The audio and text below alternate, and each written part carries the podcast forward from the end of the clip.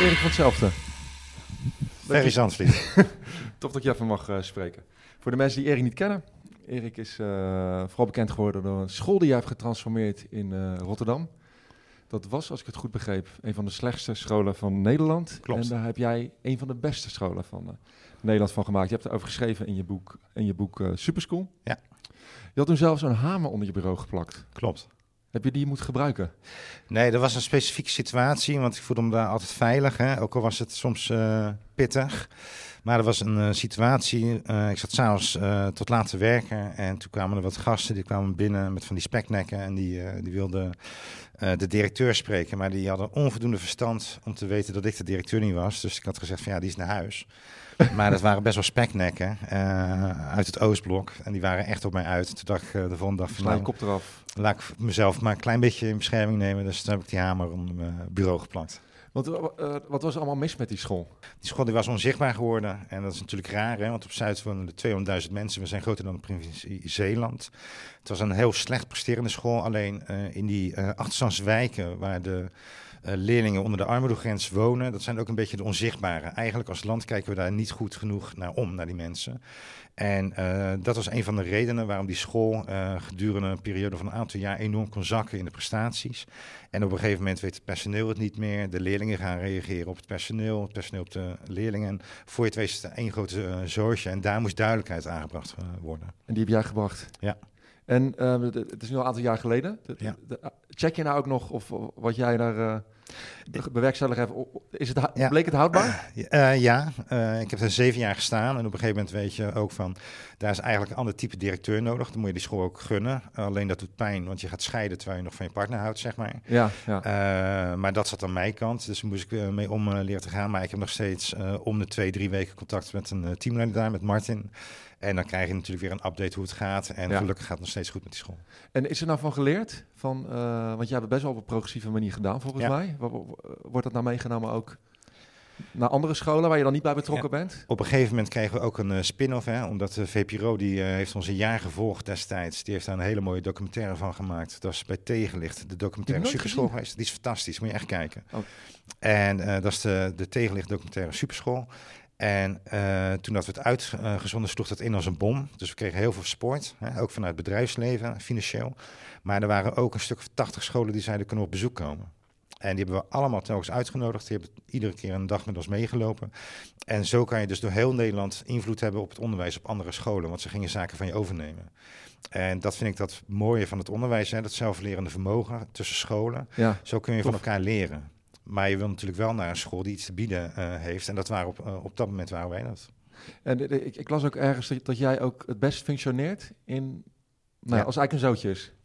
Ja, zeg ik vind het. Uh, nee, dat klopt. Als, als, als een school draait, hè, dan moet je mij niet hebben als directeur, want ik ga mezelf vervelen. Ja. En ik had hiervoor, voor deze school waar ik nu zit, had ik een klus voor vier jaar. En na drie jaar liep het weer fantastisch, hè, boven het landelijk gemiddelde. En toen merkte ik aan mezelf, dan moet je niet nog een jaar verlengen omdat het toevallig in contract zit. Ga gewoon nu weg.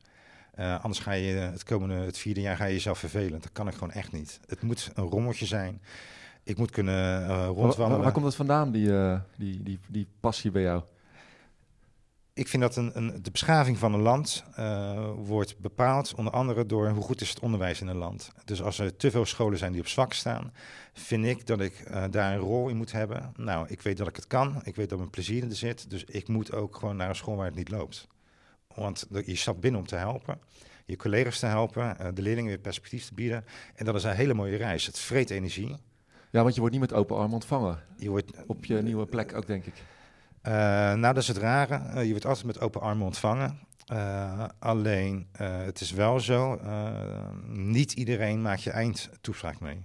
Omdat je natuurlijk ook ja, soms collega's, ja. tegen collega's moet zeggen van ja, dit werkt gewoon niet Tijd meer. om afscheid te nemen. Ja, we gaan het toch een keertje zonder jou proberen. En je zit nu ook op een plek waar je ook de boel flink op de schop hebt genomen. Ja, klopt. Hoe, hoe, lang ben je op deze school bezig? Dit is mijn vierde jaar. Hoe, hoe heet de school ook waar we zitten? College in de Brink. Oh ja, College in de Brink. Ik heb je ook ooit een keer een, een lezing uh, mogen geven. Hele goede lezing. Maar wat, me wel opvalt hier is, ik weet niet of dat de vorige keer ook al was hier was, maar dat iedereen zo vrolijk is.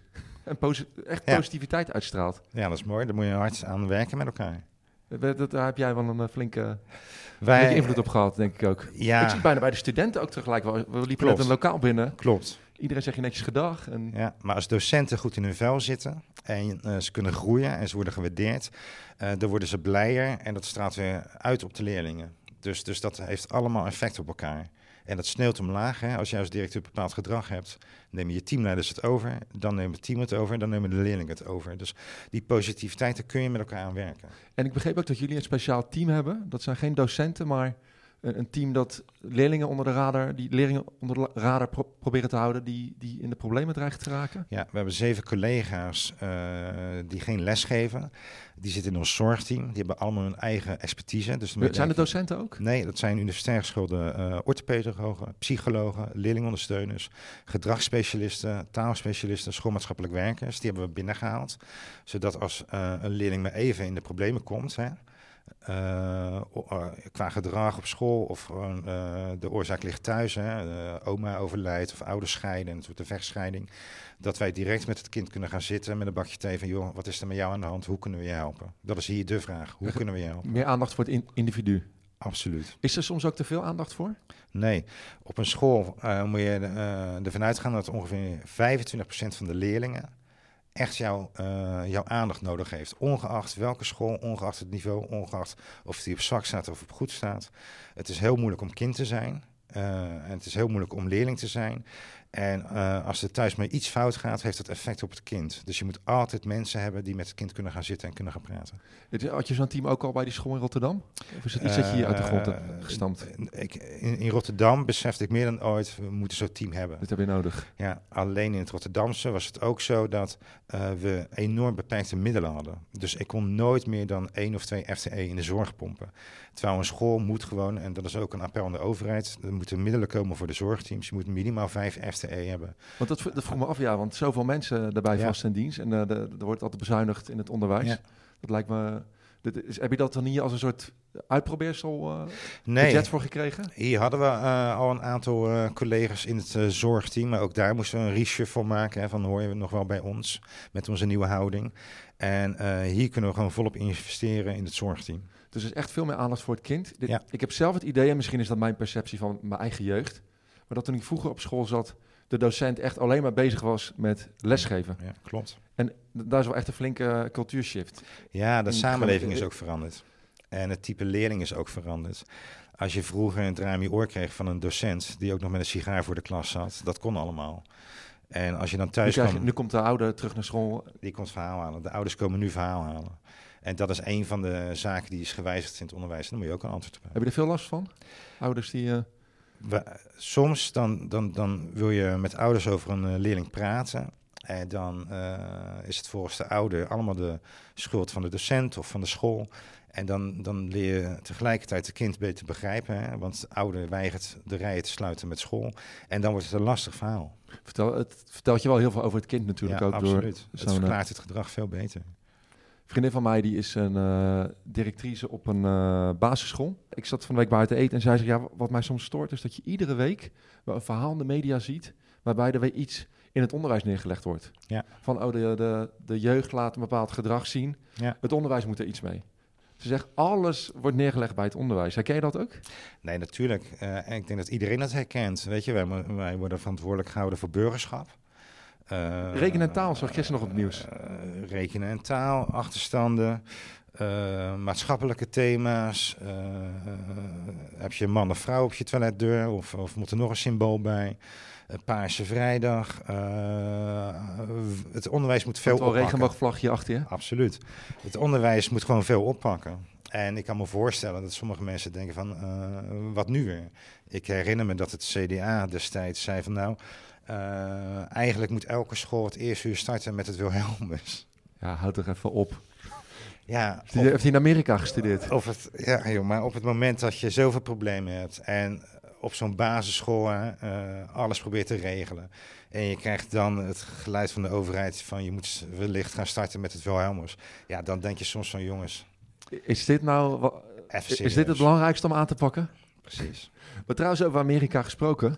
Ik, ik kom daar zelf veel. Ik heb wel het idee dat er daar wat meer um, erkenning is voor het vak dat jullie uitoefenen. Daar wordt sowieso veel beter betaald. de vakantiedagen zijn natuurlijk wel minder in Amerika, maar je kan veel eerder met pensioen.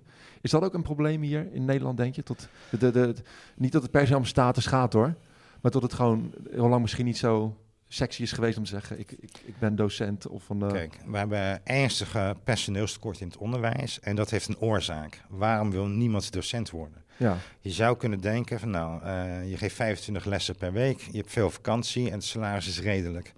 Maar toch komt men niet. En dat heeft te maken met een stukje waardering vanuit de overheid, een stukje aanzien uh, maatschappelijk. En uiteindelijk zul je toch moeten zeggen, uh, als wij een kenniseconomie zijn in Nederland, uh, dan moeten we dus heel veel goede docenten hebben. Die hebben ja. we niet. Dus de overheid zou eigenlijk moeten zeggen, een docent in Nederland geeft 25 uur. Dat is het hoogste van Europa. Dus we moeten naar het Europees gemiddelde van 20 uur in de week. Uh, en de salarissen moeten hoger. Maar, en dat snap ik ook wel, de salarissen in Nederland zijn krankzinnig hoog. Alleen door ons belastingstelsel heb je bruto bruto een hoog salaris hè, voor de werkgevers. Maar als die belasting eroverheen is gegaan, dan heb je te weinig koopkracht. Ja, en dat wat, is een groot probleem. Ja, en wat ik eigenlijk uh, de politie, de zorg en het onderwijs gun... Hè, en ik noem die drie expliciet, want die maken je samenleving. Ja, hebben gezien in corona. Ja, de politie bewaakt ons en beschermt ons. De zorg, die verzorgt ons en het onderwijs schoot ons. Eigenlijk moet je als land zeggen, wij hechten zoveel waarde aan deze drie beroepsgroepen. Die betalen alle drie maximaal 30% belasting. Dan hoeft de overheid niet telkens loonsverhoging te geven, want je bent aan de koopkrachtkant, maak je enorme stappen. Ja. En hoe tof is het als je als enige land ter wereld kan zeggen, wij waarderen die beroepen die de maatschappij en de samenleving maken zo enorm. Dit is onze houding richting die drie beroepen. En dat doen ze niet. En wat krijg je dus? dus geen draagvlak voor dit. Uh... Nou ja, de politiek moet dat gaan doen. En de politiek die moet beseffen dat je verantwoordelijkheid hebt voor de samenleving. Ja? En hun definitie van democratie is, uh, men mag kiezen in het land wie er regeert. Maar de definitie van een democratie is veel breder. Namelijk, als je op de stoel zit om te regeren, dan moet je goed zijn voor het volk. En dat stukje vergeten ze. Ja. En dat is zo jammer. En wat, is, wat gebeurt er dan? Ja, gaat de politiek op een balkon staan met pannen en gaan ze klappen voor de zorg tijdens corona. Die verpleging die heeft niet nodig dat ze op een balkon staat te klappen voor hun. Die wil gewoon dat naderhand, als de pensioen of sorry, als het salaris weer op tafel komt, willen ze gewoon 10% omhoog in plaats van 1%. Of dat je als verpleegster dat je gewoon in de stad kunt wonen waar je werkt. Ook. Juist. Of als docent bijvoorbeeld. Als jij 1600 euro verdient als verpleegster, de eerste 1000 euro ben je kwijt aan je woning. Dan heb je misschien nog een autootje. Of nou, als je in Rotterdam wil parkeren, dan ben je het al helemaal kwijt. Dan heb je geen auto. Dus ja, ik weet niet of we dan goed voor onze samenleving zijn. Nou, dat vraagt me inderdaad ook af. En ik bedoel, en als docent, je leidt de, de samenleving van de toekomst op. Absoluut. Dat zou juist heel sexy en uh, uitdagend en uh, waardevol uh, moeten zijn. Ja, klopt. Hoe denk je dat het onderwijs van de toekomst eruit gaat zien? Ik denk dat we door het personeelstekort er niet aan gaan ontkomen om ons onderwijs toch anders in te richten.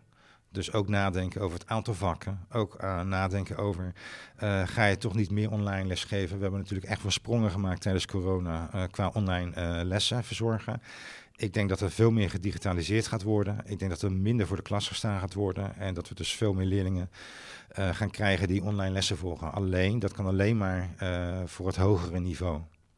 Want een praktijkles, uh, schilderen of nee. lassen, dat, dat kan niet online. Zo'n school als, als, als waar we vandaag zijn, die, Juist. Dat, dat is bijna nee. niet in te richten. Maar heel veel praktische studies ook niet. Hè? Ik ben ja. fysiotherapeut geweest, dat, dat gaat ook niet online.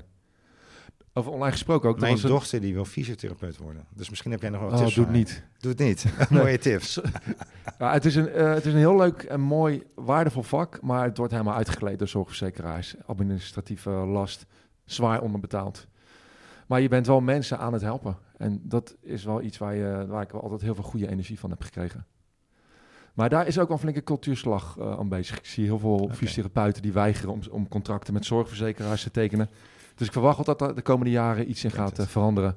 Maar ik zou er aanraden om dan misschien in een ziekenhuis te gaan werken, bijvoorbeeld als... Uh... Ik wil dat ze bij Feyenoord fysiotherapeut Ja, dat willen er heel veel. Daar kom je niet zo makkelijk binnen.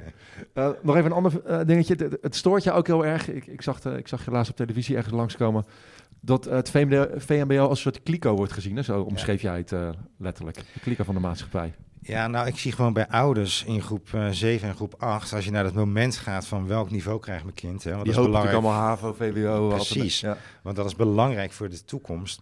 Wij zijn in dit land succes gemeten in hoeveel verdien je. Ja. Dus werd het voor ouders op een gegeven moment ook belangrijk dat ze een HBO of universitaire baan kregen. En om dat te realiseren, uh, wilde iedereen natuurlijk dat je naar het HAVO of VWO ging. Dat vertaalde zich negatief de andere kant op, van VMBO is dus niks. Terwijl VMBO is prachtig. En het mooie van uh, dit moment is, er komt nu een kentering. Want als jij loodgieter bent... Ja, dik als, salaris, hè? Vet salaris. Of als jij kan lassen, uh, of als je een kok bent. Iedereen staat op dit moment door die enorme tekorten te springen om vaklieden. Dus dat ja. is ook weer goed nieuws voor het VMBO, voor mijn leerlingen. Dus ik vertel het ook altijd aan ouders. Uh, je kind mag naar het VMBO, dus wees blij. En dan pakken wij dat kind over. Wij, gooien, wij zorgen dat hij een vak leert en uh, een goed mens wordt dan verdient hij zich helemaal scheel. Ik kan me dat toch ook nog herinneren, toen ik de CITE-toets had gedaan en dan komt je niveau eruit. Uh, bij mij kwam er dus ook de VMBO, het was toen LBO nog toen de tijd. Uh, ik weet nog, ik baalde, ik schaamde me ook een beetje en mijn ouders baalden ook, ik kan me nog herinneren. Dat was echt een andere tijd toen. Je wil, uh, mijn klasgenootjes die naar zelfs MAVO of HAVO VWO gingen. Ik, ik was er echt jaloers op toen de tijd. Het is bizar wat dat met kinderen kan. Ik weet ja, dat met je zelfvertrouwen ook. Want ja. je voelt je toch een beetje dom. Ik zat in de eerste en uh, we moesten eerst naar de MAVO. Uiteindelijk halverwege mochten we naar HAVO 1, want we waren iets te goed voor de MAVO. En toen kwam ik in de klas en ik was binnen twee weken jaloers op vijf andere jongens, want die waren hartstikke slim. Die snapten alles bij natuurkunde, die snapten alles bij wiskunde en ik snapte er niks meer van. En toen ging ik mezelf dom voelen. En het heeft echt een paar jaar geduurd. Ik dacht echt van, ja, maar die gasten zijn zo geniaal. Die werken nu al bij NASA of zoiets.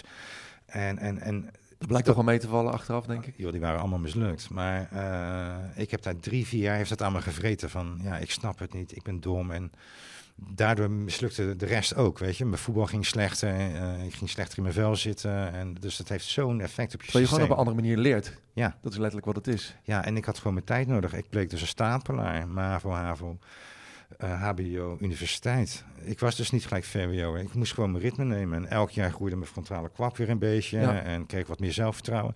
Ik ben pas vanaf mijn 18e rechtop gaan lopen. Ik had gewoon mijn route. Nou, ik, ik moet zeggen, uh, ik, ik, heb me heel erg dom gevoeld altijd. Dat ik LBO deed. Toen heette het ook nog lager beroepsonderwijs. Ja. Dat klinkt al helemaal, uh, je kunt niks. Dat ik ook heel erg met de verkeerde motivatie wilde laten zien, ik kan het wel. Dus ik ben allerlei studies gaan doen. De meeste heb ik ook wel afgemaakt. Maar niet omdat ik er heel erg gelukkig van werd. Omdat ik meer vond van mezelf. Uh, mijn vader liet het ook wel merken toen de tijd dat hij het uh, teleurgesteld was dat, dat ik uh, eh, LBO deed. Dus ik vond dat ik dat moest laten zien. Dus toen ik mijn eerste HBO-studie had afgerond, voelde dat ik helemaal niet zo. Ik werd helemaal niet zo gelukkig van, merk ik. Dat ik de verkeerde pijlers aan het najagen was. Maar dat is wat het, Bizar, is gewoon wat, wat, het met je doet. Heel herkenbaar. Maar, maar vertel je dat ook in de klas aan leerlingen? Van joh, als je loodgieter bent, dan zou dit, als je voor jezelf gaat werken, wel eens je salaris kunnen zijn? Ik zeg altijd ook op de open avond tegen ouders: luister. Wij maken er lassers van, of installatietechniek jongens, of, of een kok of een loodgieter. We maken er een mooi mens van. Als u dan op zijn 18 een busje voor hem koopt, ja. kan die ZZP'er worden en dan kan hij zich gek verdienen. Want een loodgieter die verdient gewoon echt 6 tot 800 euro per dag als hij het goed aanpakt. Ja, bizar. En, en dan ga je gewoon lekker skiën uh, met de kerst in Oostenrijk. Dus, dus, dus daar zit nu de markt, daar zit nu het geld. Nou, is goed. Uh, ik denk dat je, dat je mooi werk doet. Je zegt uh, mooie dingen die belangrijk zijn ook om te zeggen.